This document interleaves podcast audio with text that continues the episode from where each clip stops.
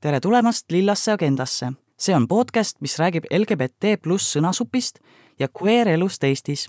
ennem kui me lähme tänase saate juurde, tahame anda väikese hoiatuse. Äh, see episood käsitleb teemasid muuhulgas nagu suitsiid, enesevigastamine ja väärkohtlemine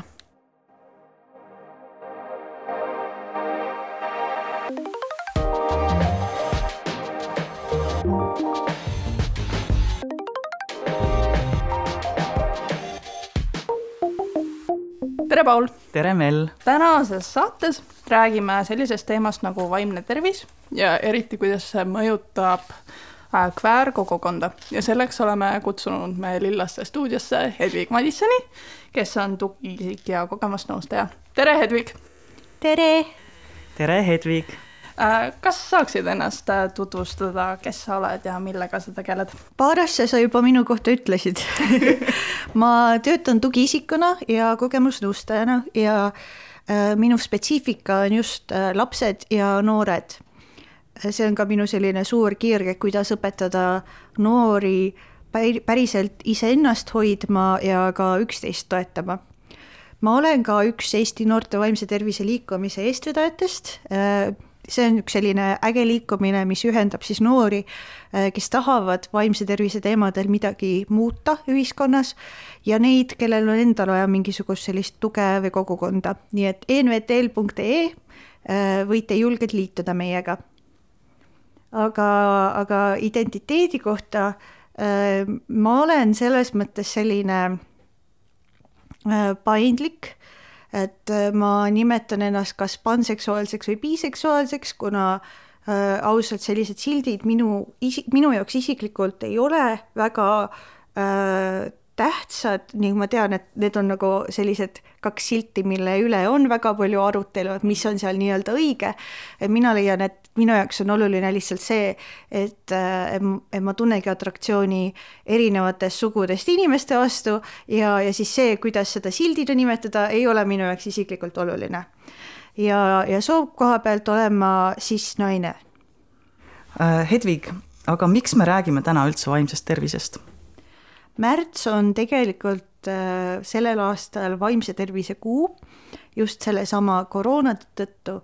Ja, ja tegelikult on praegu muidugi väga paljudel ka väga raske aeg, kuna see kuu on jälle olnud väga ranged piirangud, inimesed on väga palju kodus olnud ning selle tõttu on vaimse tervise teemad äh, muutunud väga paljudele hästi oluliseks, hästi kriitiliseks lausa. äh, ning, ning see on, see on inimeste tähelepanu äh, sellisesse ringi rohkem jõudnud mm. -hmm, mm -hmm kas sa ütleksid, et, et see on saanud nagu esimest korda võib-olla nii palju tähelepanu üldse või on see nagu teema ka varem olnud nii õhus?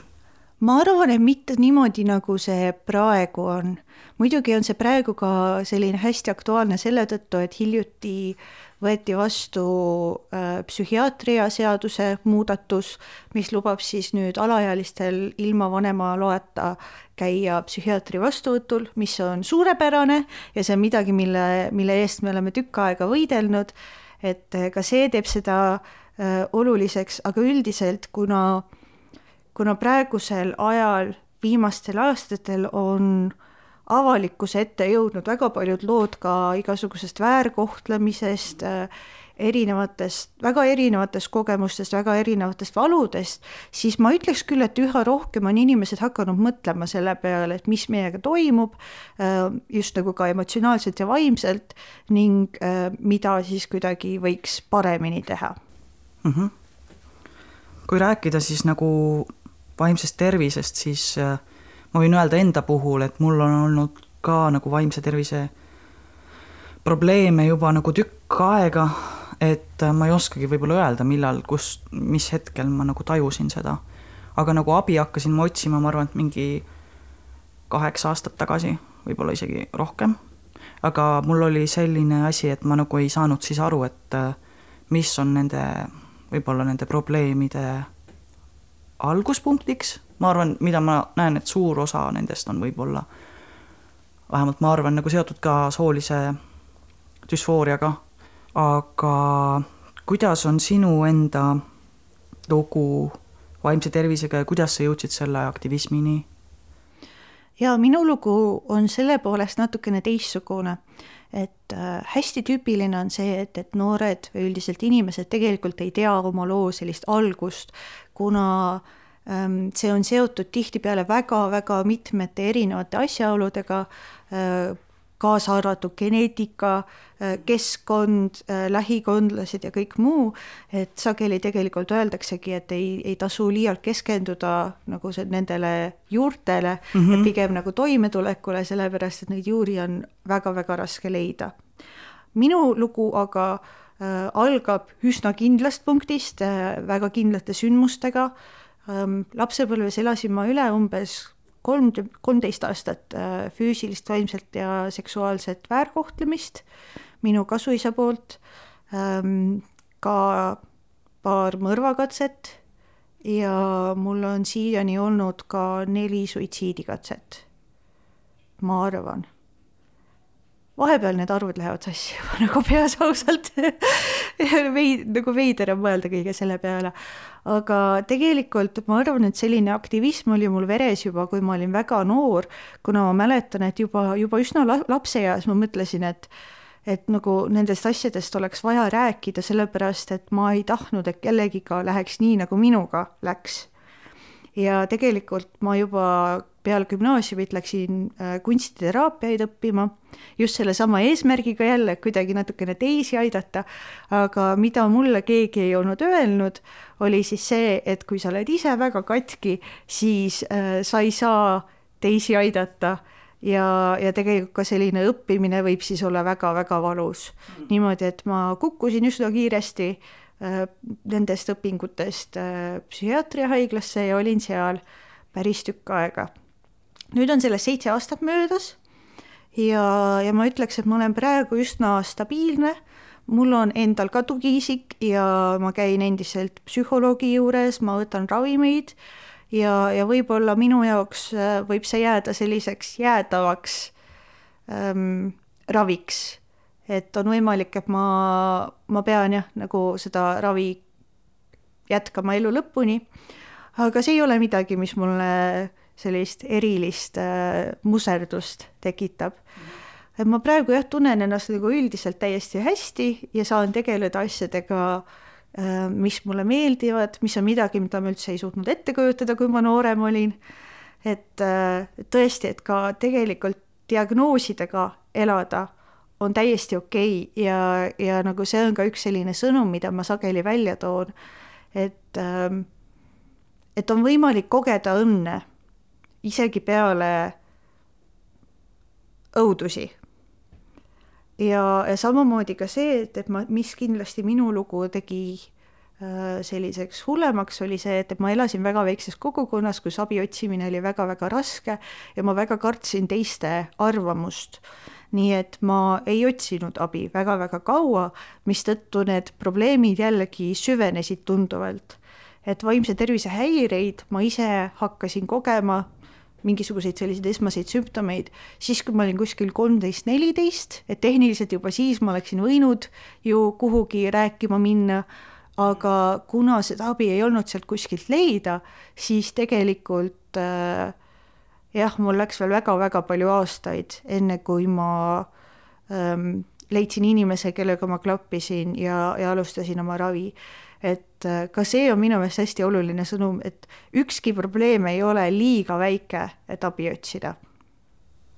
jaa, aga, aga võib-olla räägikski nagu üldisest olukorrast ka. Mm, kas on mingit statistikat, mida on võimalik välja tuua äh, praeguse olukorda näiteks, Hedvig?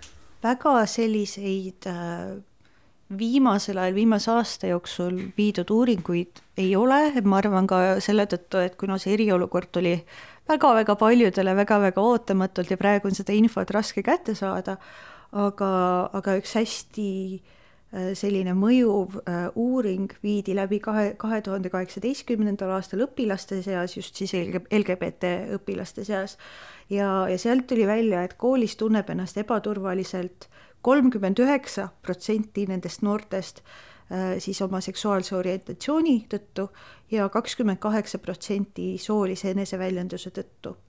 ja üldiselt, kui minu käest küsitakse, et kas vaimne tervis on üldse nii-öelda noorte probleem, siis äh, kõikidest nendest inimestest, kes vaimse tervise probleeme ko kogevad, äh, seitsmekümne viiel protsendil tekivad esmased nähtused äh, enne kahekümne neljandat eluaastat ja pooltel enne viieteistkümnendat eluaastat. niimoodi, et see, need on ikka väga varajased, need algused sellel sageli. Ja, ja tagasi jälle siis LGBT teemade juurde, kuna Eesti kohta kahjuks veel selliseid väga hea, häid uurimusi ei ole, aga äh, UK-s tegeleva Stonewalli organisatsiooni järgi, see on siis üks LGBT õigustega tegelev heategevusorganisatsioon äh,, nemad viivad sageli uuringuid järgi ja nende järgi on, oli siis viimase aasta jooksul pooltel nende poolt küsitletud LGBT inimestel äh, depressioon, äh, kolmel viiest ärevus ja üks kaheksast kaheteist kuni, kaheksateist kuni kahekümne nelja aastasest noorest on üritanud oma elu võtta. samamoodi on pea pooled transinimestest üritanud oma elu võtta. et see seksuaalne orientatsioon ja sooline identiteet on ikka väga mõjuvad tegurid vaimse tervise mõjutustes. jah, ja siin on, kohal on oluline märkida, et see ongi nagu see äh, põhjus-tagajärg ongi sellest ilmselt, et, et see, et see on nagu stigmatiseeritud on seksuaalsus ja teistsugune sooidentiteet. jah, ühelt poolt tuleb see stigma, eks ole, väljaspoolt aga vahel isegi valusam on see enesestigmatiseerimine. Mm -hmm. ja, ja seda on võimalik ka kogeda, eks ole, mitut viisi, et esiteks see, et et võib-olla mitteuskumine oma sooidentiteeti, selles kahtlemine, samamoodi äh, varem levis hästi palju see uskumus, et jaa, et, et teismelised tüdrukud näiteks, nad otsivadki tähelepanu ja, ja teismelistel ei saa üldse depressiooni olla, nad otsivad ainult tähelepanu, nad sellepärast lõiguvad ja sellepärast teevad üht-teist-kolmandat, et noh, sellised väited panevad inimesi ennast kahtlema. Ja minagi, kui ma olin noor, ma mäletan, et ma täitsa kahtlesin selles, et äkki ma olengi kõik selle ise välja mõtle, mõelnud, äkki ma lihtsalt otsingi mingisugust tähelepanu. kuigi jällegi äh, selliselt ratsionaalselt mõeldes, kui kellelgi on vaja tähelepanu ja ta otsib seda sellisel radikaalsel moel, siis ilmselgelt on tal seda tähelepanu päriselt vaja. et seal on mingisugune tõsine probleem, et see lahendus, mida siis para-, para-, miskipärast äh, rakendati sellel ajal, oli just selline ignoreerimine, eks ole, et et jah, kui ta otsib tähelepanu, siis ignoreerime teda ja äkki läheb paremaks, aga see on just vastupidine, eks ole, siis need asjad lähevad, äh, need süvenevad ja muidugi, eks ole, sooidentiteedi ja seksuaalsusega on täpselt samamoodi, et väljaspoolt tuleb seda informatsiooni hästi palju. Äh, meil on EKRE mm., kes hea meelega igasugust äh, valeinfot jagab ja, ja muidugi sellist hirmu ja üksindustunnet on ikkagi meeletult nende noorte seas väga palju on seda hirmu, et teised ei mõista, teised ei võta omaks mm. -hmm. see võib isegi olla, kui sul ei ole negatiivset kogemust, näiteks enda puhul ma kohutavalt kartsin, äh, kui ma esimest korda kapist välja tulin, nagu oma vanemate arvamust, see on ka see, et ma ei oska kindlaid asju peast loetleda, et kust ma olin need hirmud kogunud, aga ma arvan, et see on ikkagi, oli siis nagu selle lapsepõlve jooksul nagu kogu, kogetud nagu homofoobia mm -hmm. ja transfoobia, mis nagu noh ikkagi kas kuskilt meediast või noh, inimesed räägivad igasugu asju, on ju, mille sa nagu lihtsalt kogud ja su kuidagi alateadlikult store'id kuskile siia oma aiu. ja see on omamoodi tegelikult täiesti teaduslikult tõestatud, et kuidas näiteks mõjuvad meile filmid ja telesaated, kus sageli äh, see, et keegi on trans, on selline puänt eks ole mm. -hmm. et see ongi nagu sihuke rõve nali, järsku tuleb välja, et näed, näed, naisel on nuku ja siis kõigil on nagu jõu, kui vastik, kui õudne. ja, ja tegelikult sellised asjad jäävad külge. ja, ja kuna nagu neid äh, transteemasid on nii, nii, nii kaua kasutatud selliselt, siis muidugi sa kardad, niimoodi inimesed reageerivadki. ja ma arvan, et nagu mind eriti kui ma tulin nagu transina kapist välja, siis see kindlalt mõjutas see negatiivne meediapilt nagu kohe kõvasti, et nagu mingi hetk oli see arusaam, oh shit, ma olen trans ja siis see, ja siis kohe tulid need konnotatsioonid, mis meediast on nagu, milline näeb transinimene välja ja nagu milline see elu on, kui sa oled trans. ja siis noh, loomulikult ma olen tegelenud sellega, et lammutada neid stereotüüpe ja ma ei näe enam seda sellisel viisil, aga kindlasti see mõjutab. ja nüüd ma lihtsalt mõtlen, et nagu kui mina panin nii palju effort'it sinna sisse, et neid lammutada, aga need inimesed, kes ei ole seda teinud, siis noh, nende pilt ongi selline. Ja, kusjuures mul oli hiljuti oli emaga üks selline ähm, vestlus täiesti sellel teemal, et äh, me vaatasime vist mingisuguseid multikaid, kuna ma olen selline täiskasvanu, kellele endiselt meeldib animeeritud filme vaadata. see on üks asi äh,, mille suhtes ma keeldun häbi tundmast väikesed naudingud peavad olema, eks ole. ja, ja mida, miski, miskipärast ma tõin oma emale välja, et, et aa, et kui raske see on juba lapsepõlves, kui sa ei näe endasuguseid, et kui väga mind häirib see, et mingites äh, Disney filmides on, on nagu peidetud mingisugused LGBT tegelased niimoodi, et kui sa paned tähele, aga see on üks hetk ainult ja, ja see tundub niimoodi, et umbes nagu nad lihtsalt üritavad võimalikult paljusid inimgruppe kuidagi meelitada sellega, et nad on esindatud seal filmides, on ju, aga see, see nende esindatus on selline, tõesti ongi üks hetk, sa ei näe seda, eks ole. ja, ja, ja see tundub, et nagu lihtsalt see esindamine esindamise pärast, mitte et sa tegelikult kirjutaksite sinna filmi sisse ja annaksid talle oma nagu loo. ja mu ema oli sellest väga šokeeritud ja ütles, aga tänapäeval on ju, on ju Taani tüdruk ja on mingid dokumentaalid, mida ma olen näinud. ja siis ma ütlesin, et kuule, et kas lapsed vaatavad neid või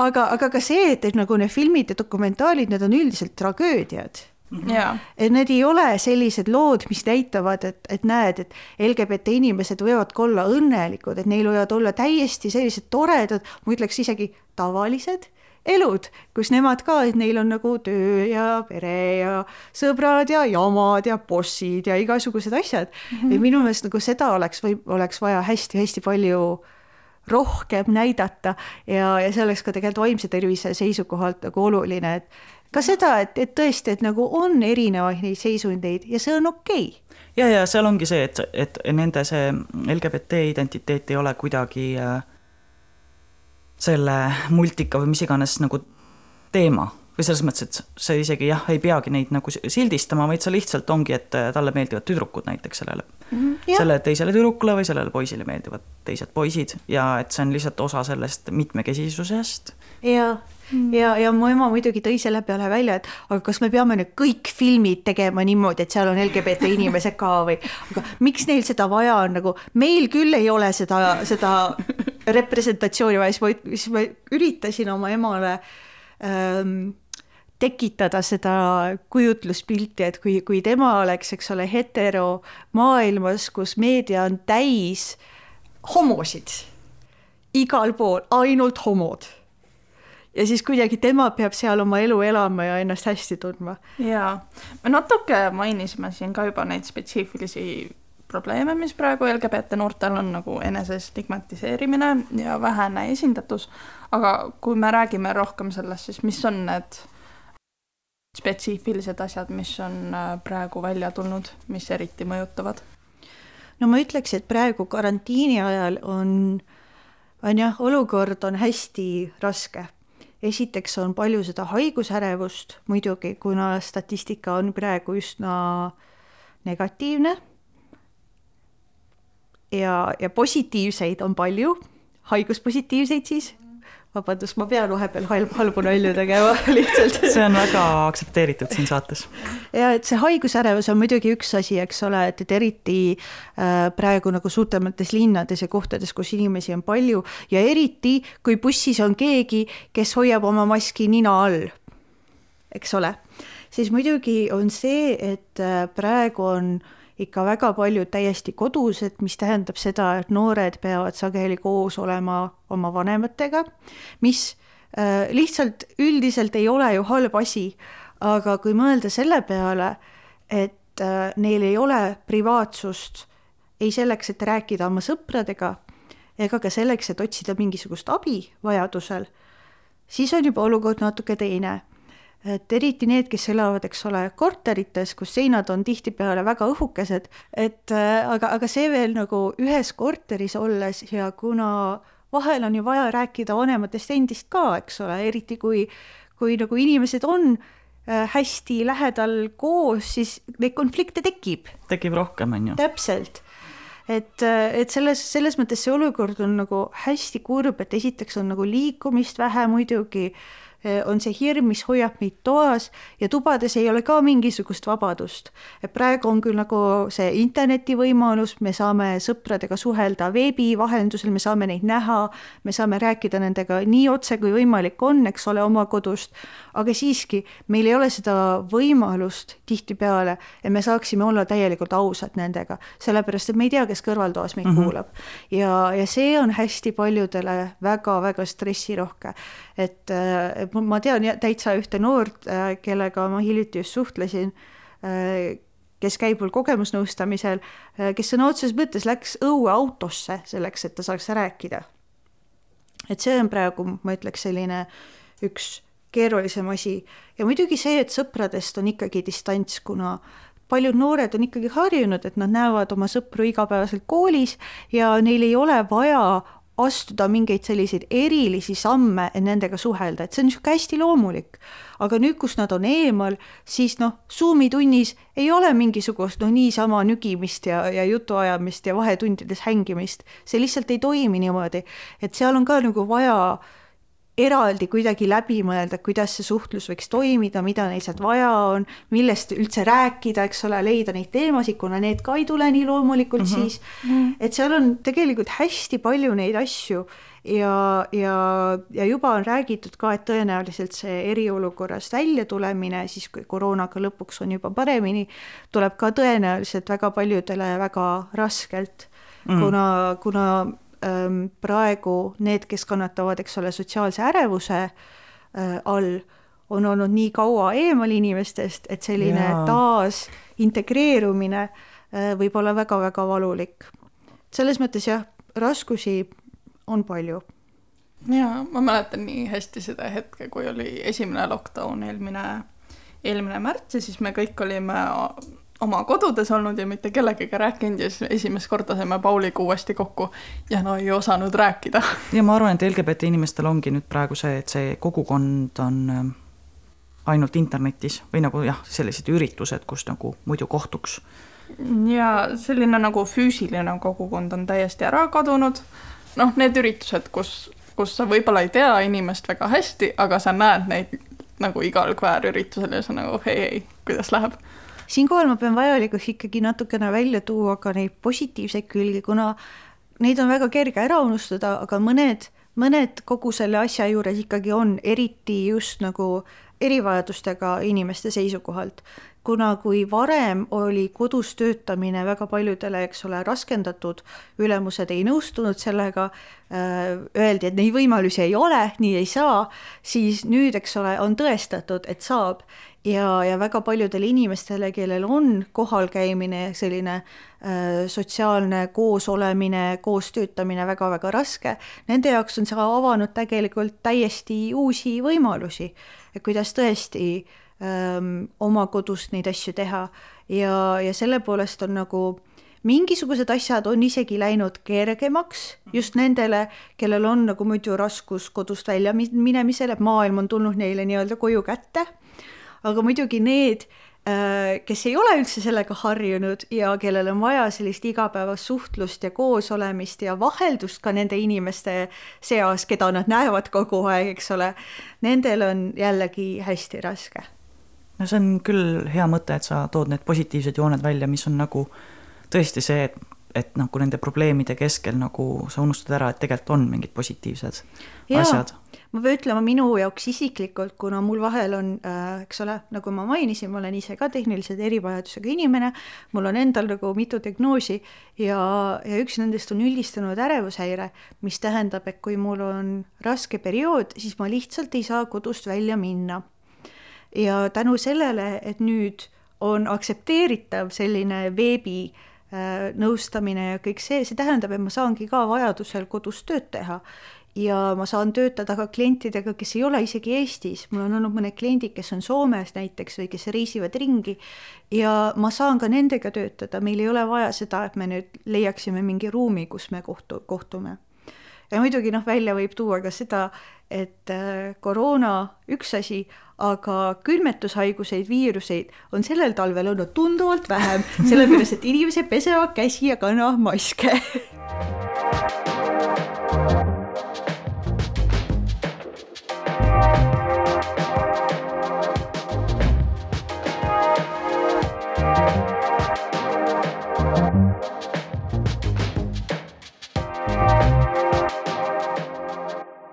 aga kui meil nüüd on nende palju probleeme, mis me oleme välja toonud, aga ja nagu sellist äh, statistikat, mis ei ole väga rõõmustav, siis mis on nagu ikkagi need asjad, mida me saame teha ja mis on, millele keskenduda selle asemel, et nendele negatiivsetele asjadele?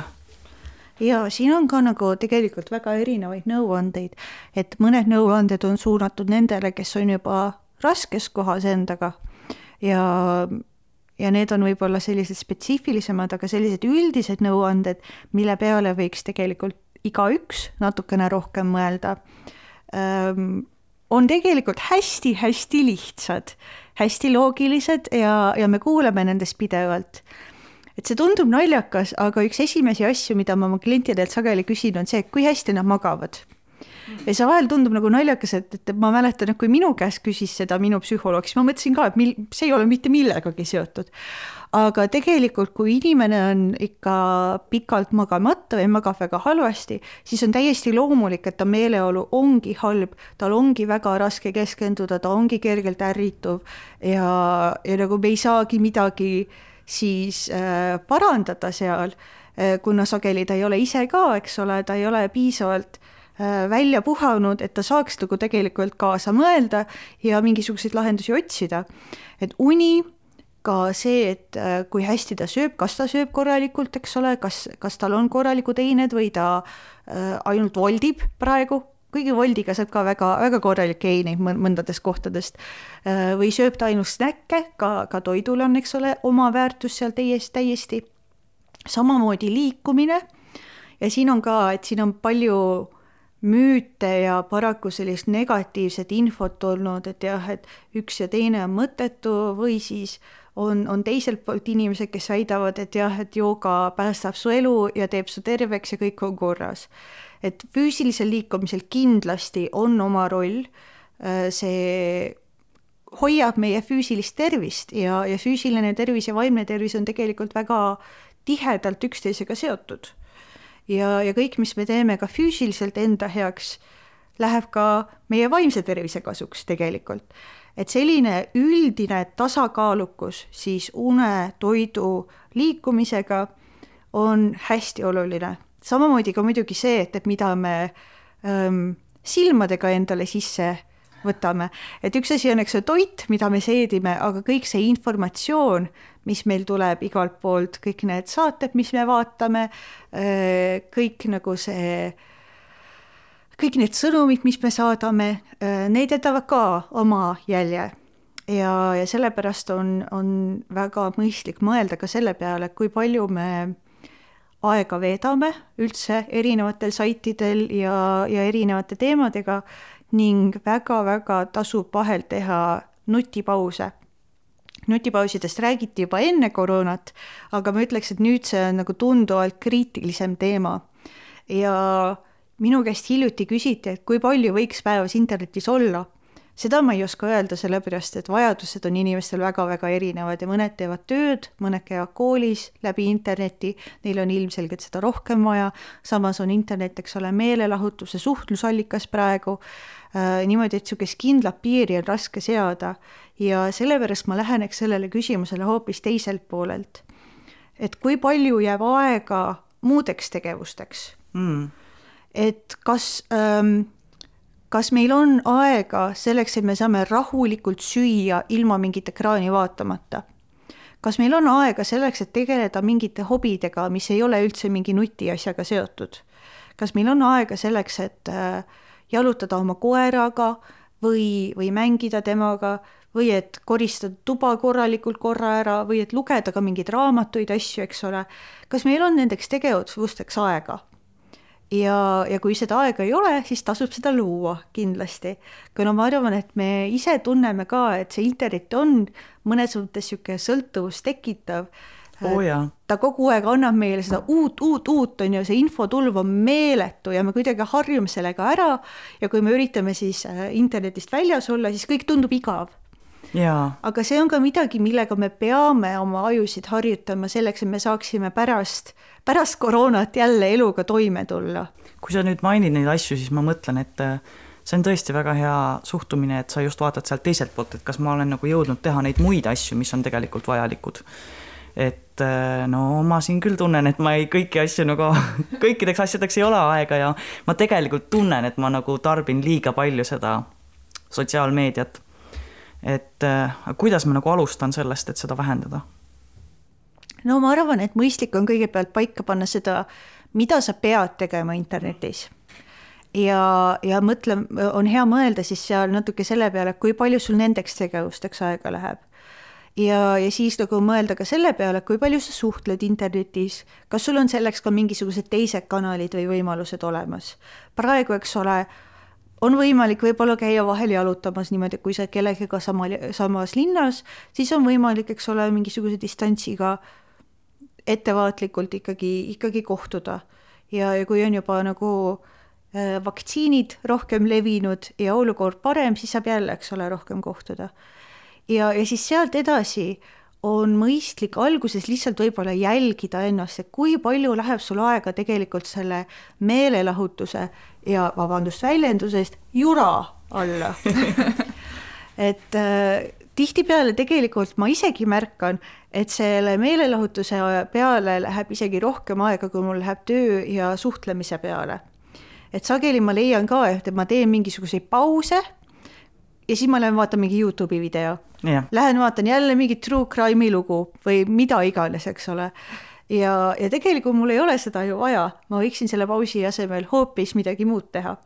et kõigepealt, kui sa tahad seda protsessi vähendada, siis jah, esimene samm on kindlasti selline jälgimine ja, ja siis on hea muidugi mõelda endale selliseid asendustegevusi.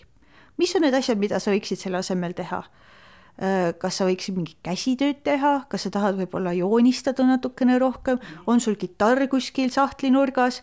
Paul, ma tean, sinul on. jaa, jaa. Äh, nagu mille, mis on need asjad, mida sa tahaksid teha, mina tahaksin kindlasti rohkem lugeda näiteks ja, ja siis tõesti, äh, mis minul ka on ähm, selline eneseabi tööriist, on kalender, kuna minul on mäluga tihtipeale probleeme ja kalendrisse ma täiesti vahel panen kirja, kirja sellised pausid. ma teengi augud niimoodi, et okei okay,, see kellaaeg saab läbi, siis ma tööga enam ei tegele, ma, ma loomulikult, mulle ei meeldi väga sotsiaalmeedias suhelda niimoodi, et sellega ma ka ei tegele ja selle aja, siis kui kell saab nii palju, siis ma panengi arvuti kinni ja ma lähengi teen midagi muud.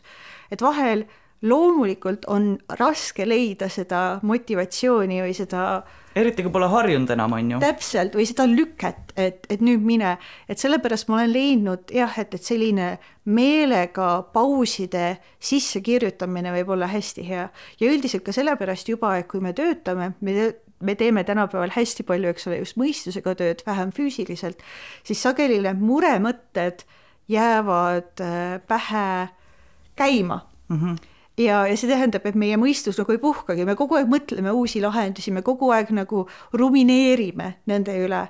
ja, ja see tähendab, et me töötame hommikust õhtuni, kogu aeg mõtleme selle peale.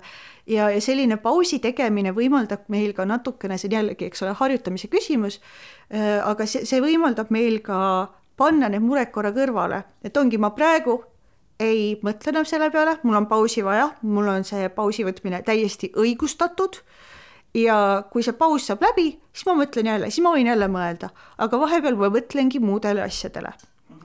ja kusjuures jällegi, need, need tehnikad on hästi lihtsad tegelikult yeah., hästi loogilised, aga tänu sellele on ka nad toimivad mm. -hmm.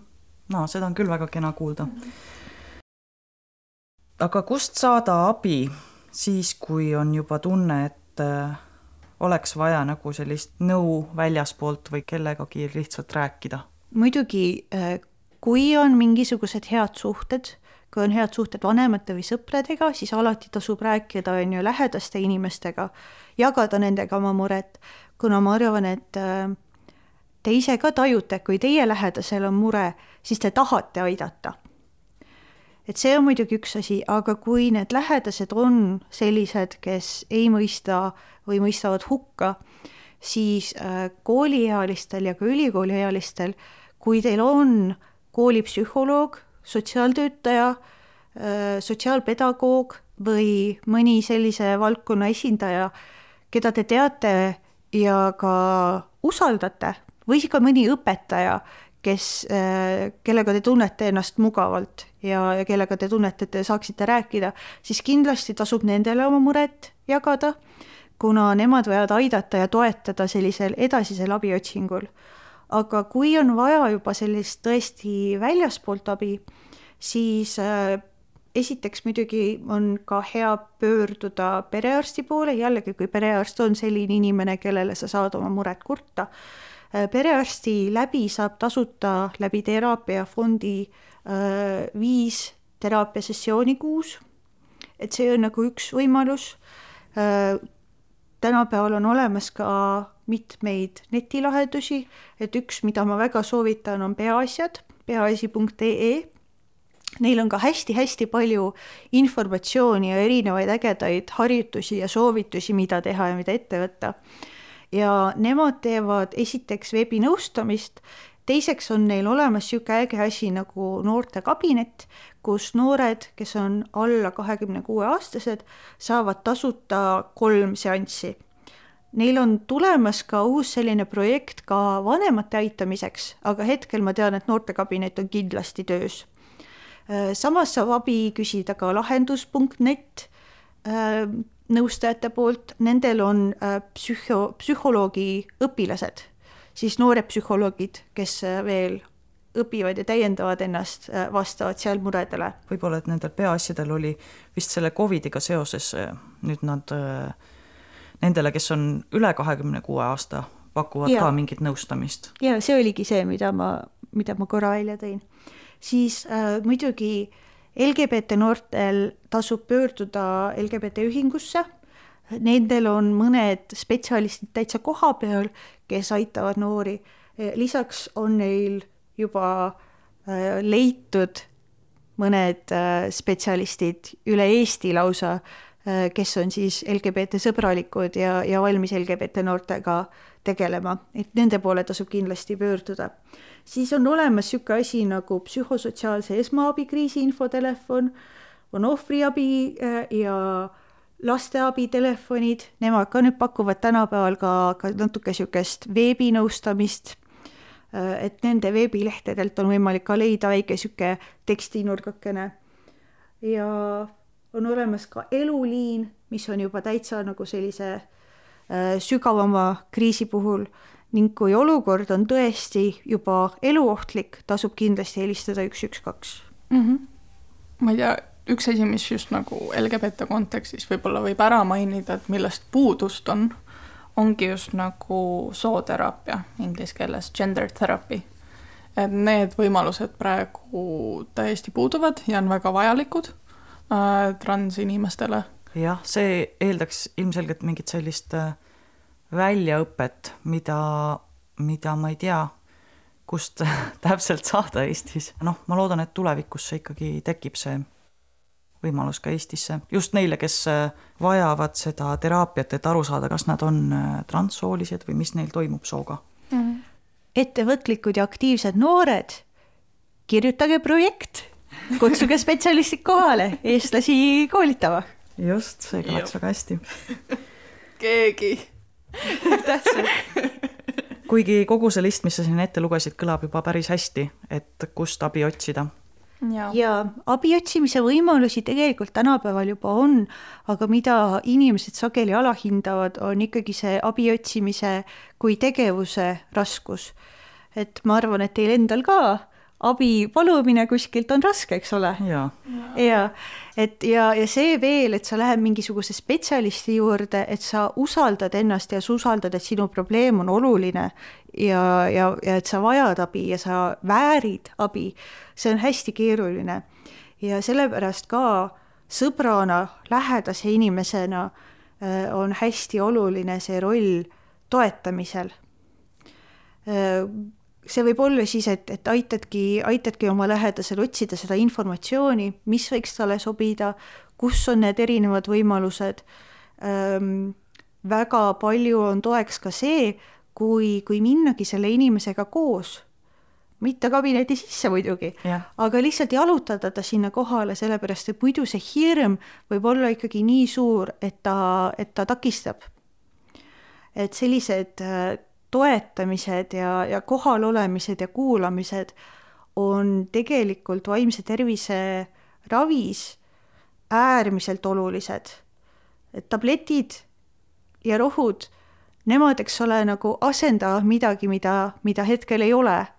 aga selleks, et, et tegelikult meie elu muutuks ja, ja see tervis paraneks, on vaja ikkagi nagu ka sellist elulist muutust et miski, miski nagu edeneks, olgu siis selleks see äh, tugivõrgustik ähm,, elamiskoht, olukord ähm,, toetuse määr, mida nad saavad. et selleks, et tõesti mingisugused muudatused toimiksid ähm,, on, on vaja midagi ette võtta. ja lähedastel on see võimalus siis seal toetada saate lõpetuseks me küsisime Instagramis ka kuulajatelt, kas neil on vaimse tervise kohta küsimusi ja neid tuli päris, päris mitu.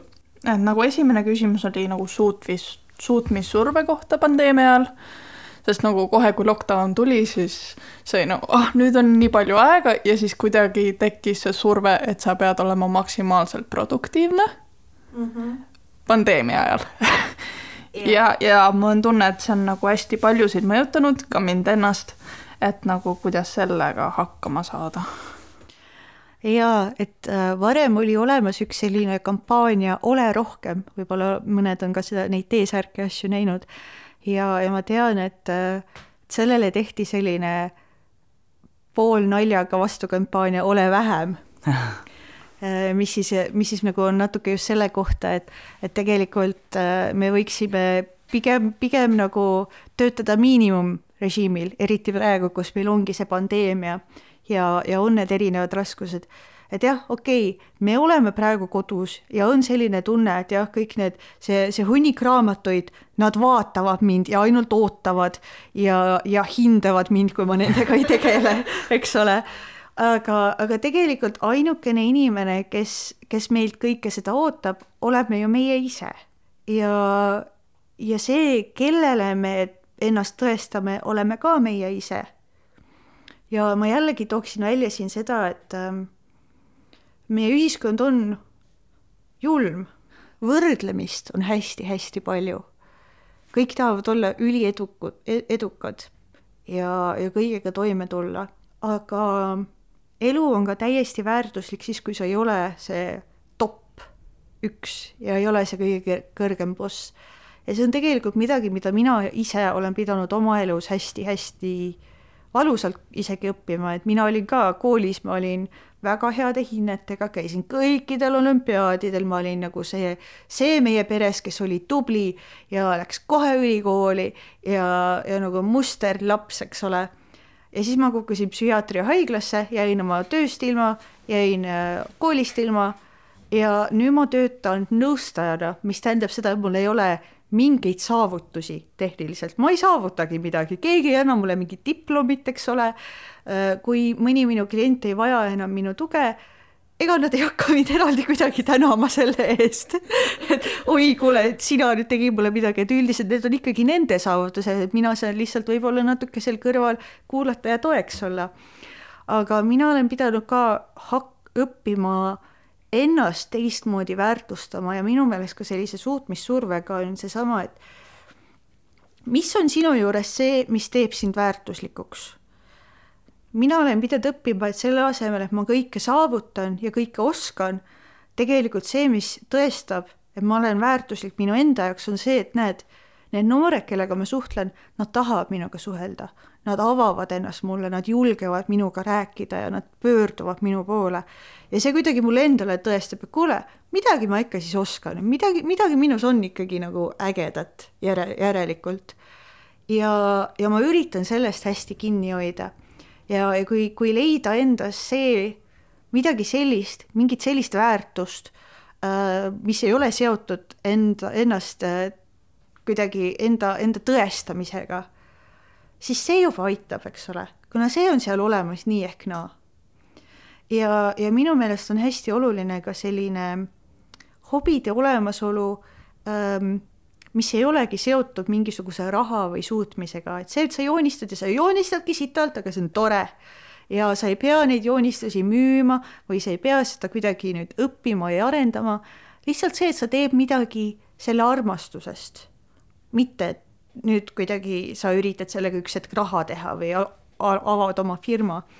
et äh, ma just hiljuti lugesin ühte hästi huvitavat artiklit, mis oligi selle kohta, et selline äh, suutmissurve või see oli natukene teise sõnastusega seal, aga et see lausa tapab meie noori ja see rääkis samamoodi just sellest, et kuidas äh, tänapäeval tundub nagu hästi raske lugeda mingit romaani, et see on justkui aja raiskamine, aga kui sa luge-, loed mingit õpikut, kogu aeg peaks lugema midagi, mis on õpetlik, eks ole mm, -hmm. mis kuidagi arendab sind. et selline lihtsalt aja veetmine, mingi romaani lugemine, mingi sarja vaatamine, see on just nagu ära visatud aeg. jumal hoidku, kui sa veel mingit arvutimängu mängid. eks ole et selles mõttes tasub võtta aega, tasub ennast rahulikult tundma õppida ja, ja lihtsalt enna, endale andestada, see on ka, ma ütleks, hästi oluline. jaa, ma ise mõtlen selle peale, et vahepeal ma nagu oskan paremini seda, aga niipea, kui ma hakkan, lähen jälle sinna maailma ja hakkan asju tegema, siis see maailm nagu kogu aeg ütleb mulle, et ma pean muudkui rohkem suutma ja tegema mm. -hmm. siis tulebki jälle see aeg võtta, endale meelde tuletada, et tegelikult meie väärtus on hoopis milleski muus. ja ma ütleks võib-olla, et aktivistide ringkonnas see on eriti terav, kuna seal ju väärtustataksegi seda, et, et jaa, et ainult kohviga ta oli ööpäevad üleval ja sai selle projekti niimoodi tehtud ja, ja näed, nüüd on tulemus, et ta on nii äge. mina ka ausalt juba oma ravimite tõttu ma ei saa, mul on kindel uneaeg, mida mul on vaja ja nii ongi ja mul on vahel päeva keskel ka uinakuid vaja ja, ja sellised äh, asjad lihtsalt minu puhul ei ole võimalikud isegi. ja, ja kui ma mõtlen nagu pikemas perspektiivis, siis nagu tegelikult ma meeldin endale sellisena, nagu ma olen. ja ma ei tahaks olla see inimene, kes nädalaid veedab magamata ja elab mingi projekti nimel, mis lõpeb ja, ja mis sa pärast teed? täpselt, ma arvan, et sina olid eh, see inimene, kes just küsis minu käest ükskord seda, et eh, mitu aastat tagasi, et kas, kas sa nagu tahaksid olla keegi teine. ja siis ma mõtlesin nagu ei, ma ei taha, ma tegelikult nagu, ma meeldin iseendale. ja siis teine küsimus oli, et, et sinu väärtus on juba sinus eneses, et sa ei pea selleks enam midagi tegema, selleks, et sa, et sa võiksid nagu iseennast armastada ja niisugune keskpärasus tundub hästi hirmutav, eks ole, et jumala pärast mediocre, sa, sa kuidagi nagu settle'id ainult on ju, sa kuidagi lihtsalt annad alla kõiges. aga tegelikult see ei ole üldse niimoodi, et nagu ma ütleks, et äh, oluline ongi see leida neid asju, mis päriselt teevad sind rõõmsaks ja minul jah, mul on, ma ütleks, väga tänamatu töö, on ju, aga samas see on midagi, mis paneb mu silmad särama ma olen kirglik selle suhtes, ma tahan aidata noori, ma tahan võimaldada neile ähm, sellises tervislikus ähm, ümbruskonnas kasvamist. ma tahan, et nende elu oleks parem, kui minu oma oli. ja, ja see nagu hoiab mind töös ja, ja elus täitsa. Ja päris mitu küsimust oli selle kohta, et nagu üks, kuidas leida LGBT pluss sõbralikku psühholoogi ja teine oli nagu, kuidas üldse navigeerida tervishoiusüsteemi, et äh, vältida seda diskriminatsiooni. see on hästi keeruline, kuna psühholoogi juurde minemine on sageli nagu seakotis ostmine. et tegelikult äh, väga vähestel on, on veebilehtedel ja, ja üldse nendes keskustes mingit sellist äh, tutvustust, mis võib-olla seletaks natuke, millega nad täpselt tegelevad Äh, kas nad on LGBT sõbralikud, kas nad räägivad ka vene keelt, kas nad on ususõbralikud, mis iganes veel, et sageli sa ei tea tegelikult, kelle juurde sa lähed ja, ja mis sind ees ootab. mis aga on ähm, täitsa olemas, on ähm, LGBT ühingu poolt koostatud selline väike sõbralike psühholoogide nimekiri, kus nad võivad siis natukene jagada, kui, kui noor sinna pöördub, et ma kindlasti soovitan neile kirjutada ja küsida nendepoolset abi siis sellise sobiva inimese leidmisel. Ja, ja selline jah, mina olen sageli väga kriitiline selle kohta, et, et äh, sa pead ju kohe maksma, kui sa lähed esimesele kohtumisele psühholoogi juurde, aga kas sa üldse selle inimesega kuidagi sobid, mis sealt välja tuleb, see ei ole üldse kindel jaa, et äh, see emaili aadress, kellele saab kirjutada, on äh, LGBT ühingu kogukonna koordinaator eva-marta at lgbt.ee ja ta kindlasti hea meelega jagab seda listi kõigiga, kes seda soovib. siis äh, järgmine küsimus kuulajatelt oli see, et, et nüüd, kui noored hakkavad saama vaimse tervise abi, et millal see käima läheb? et ma arvan, et siis mõtlevad seda psühhiaatrilise abi seadust, et alaealistele. ma ei ole täpselt selle, selles suhtes kindel, ma ei ole näinud, kas, kas selle kohta on praegu infot, millal seda seadust rakendama hakatakse, aga ma usun, et see toimub kiiresti, kuna see sund on päris tugev olnud juba tükk aega, et see seadus vastu võetaks ja, ja seda rakendatakse, tasub kindlasti uudiseid jälgida selle kohta. mina kahjuks hetkel ei, ei oska sellele vastata. kuidas öelda arstile, et laste saamine pole plaanis, sest ma olen lesbi ja seda teha ilma hukkamõistuta? see kahjuks jällegi sõltub arstist sellepärast, et on arste, kes, kellel on eelarvamused ükskõik, mida sa talle ütled.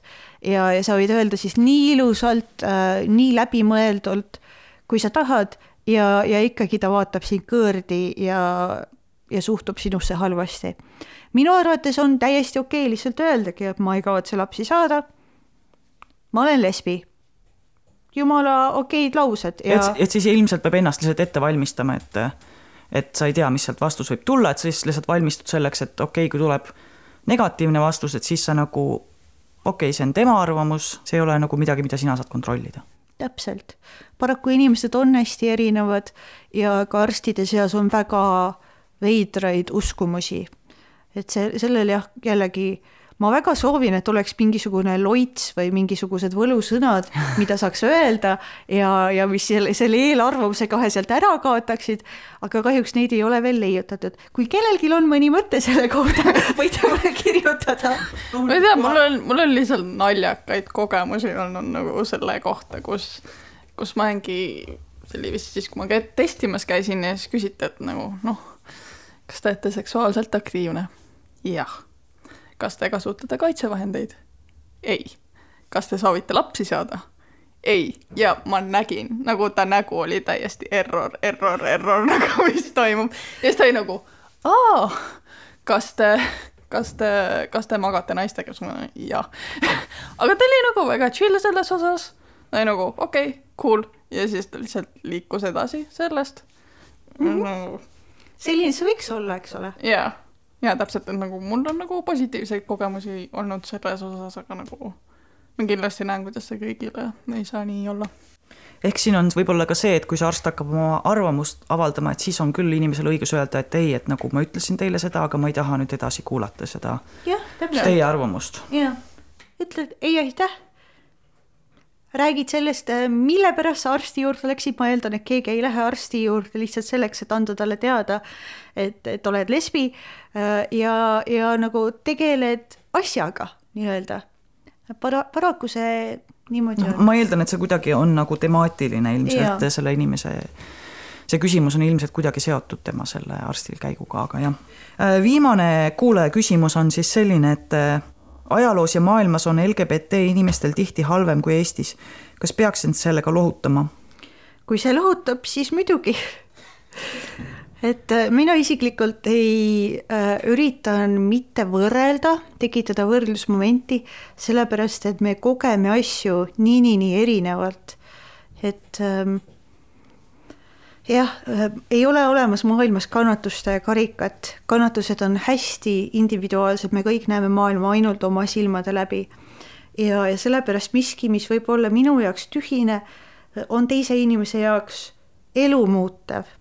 ja mina pigem ei looks mingeid võrdlusmomente, kuna siis jällegi noh, teine inimene võib tulla ja öelda, et ah, mis sina, eks ole et äh, kui see on miski, mis lohutab, siis muidugi võib seda lohutuseks endale kasutada, aga võib-olla on parem isegi lohutada ennast sellega, et, et tulevikus saab veel paremini ja meil on võimalus praegu midagi ära teha. praegu, eks ole, võeti vastu see psühhiaatrilise abi seadus ähm,, millega, mille kohta me ENVTL-is kirjutasime artikleid ja käisime ministritega rääkimas ja mida iganes kõik veel, et tööd läks äh, koostöös teiste organisatsioonidega muidu, aga näed, see juhtus ja, ja neid samme ikkagi tasapisi astutakse. Ja mina lootuse ja lõhutuse jaoks pigem vaatan tulevikku. Aitäh, Hedvig, et sa tulid meile täna saatesse, jagasid oma kogemusi ja teadmisi. aitäh, kallid patroonid aitäh äh, Anetele, Triinile, Triinule, Laurale, Saarale, teisele Laurale, Hebole ja Andrale ja aitäh LGBT ühingule. mina tänan ka omalt poolt, ma tänan teid äh, kutsumast, ma ootasin seda ammu, sellest ajast saati, kui Lilla agenda algas, ootasin ma seda kutset. Aasta läks mööda, aga me jõudsime siia. lõpuks ometi jõudsin ma siia ja, ja ma tänan teid selle toreda pärastlõuna eest ning äh, nende vahvate looma, loomade ähm, etteastete eest no kuulajad nüüd ei tea, millest sa räägid, aga meil siin katusel kajakad äh, piiluvad akendest. ja vahepeal äh, käis Miitja ringi. jah. Pauli Kass. ja järgmise korrani. nägemist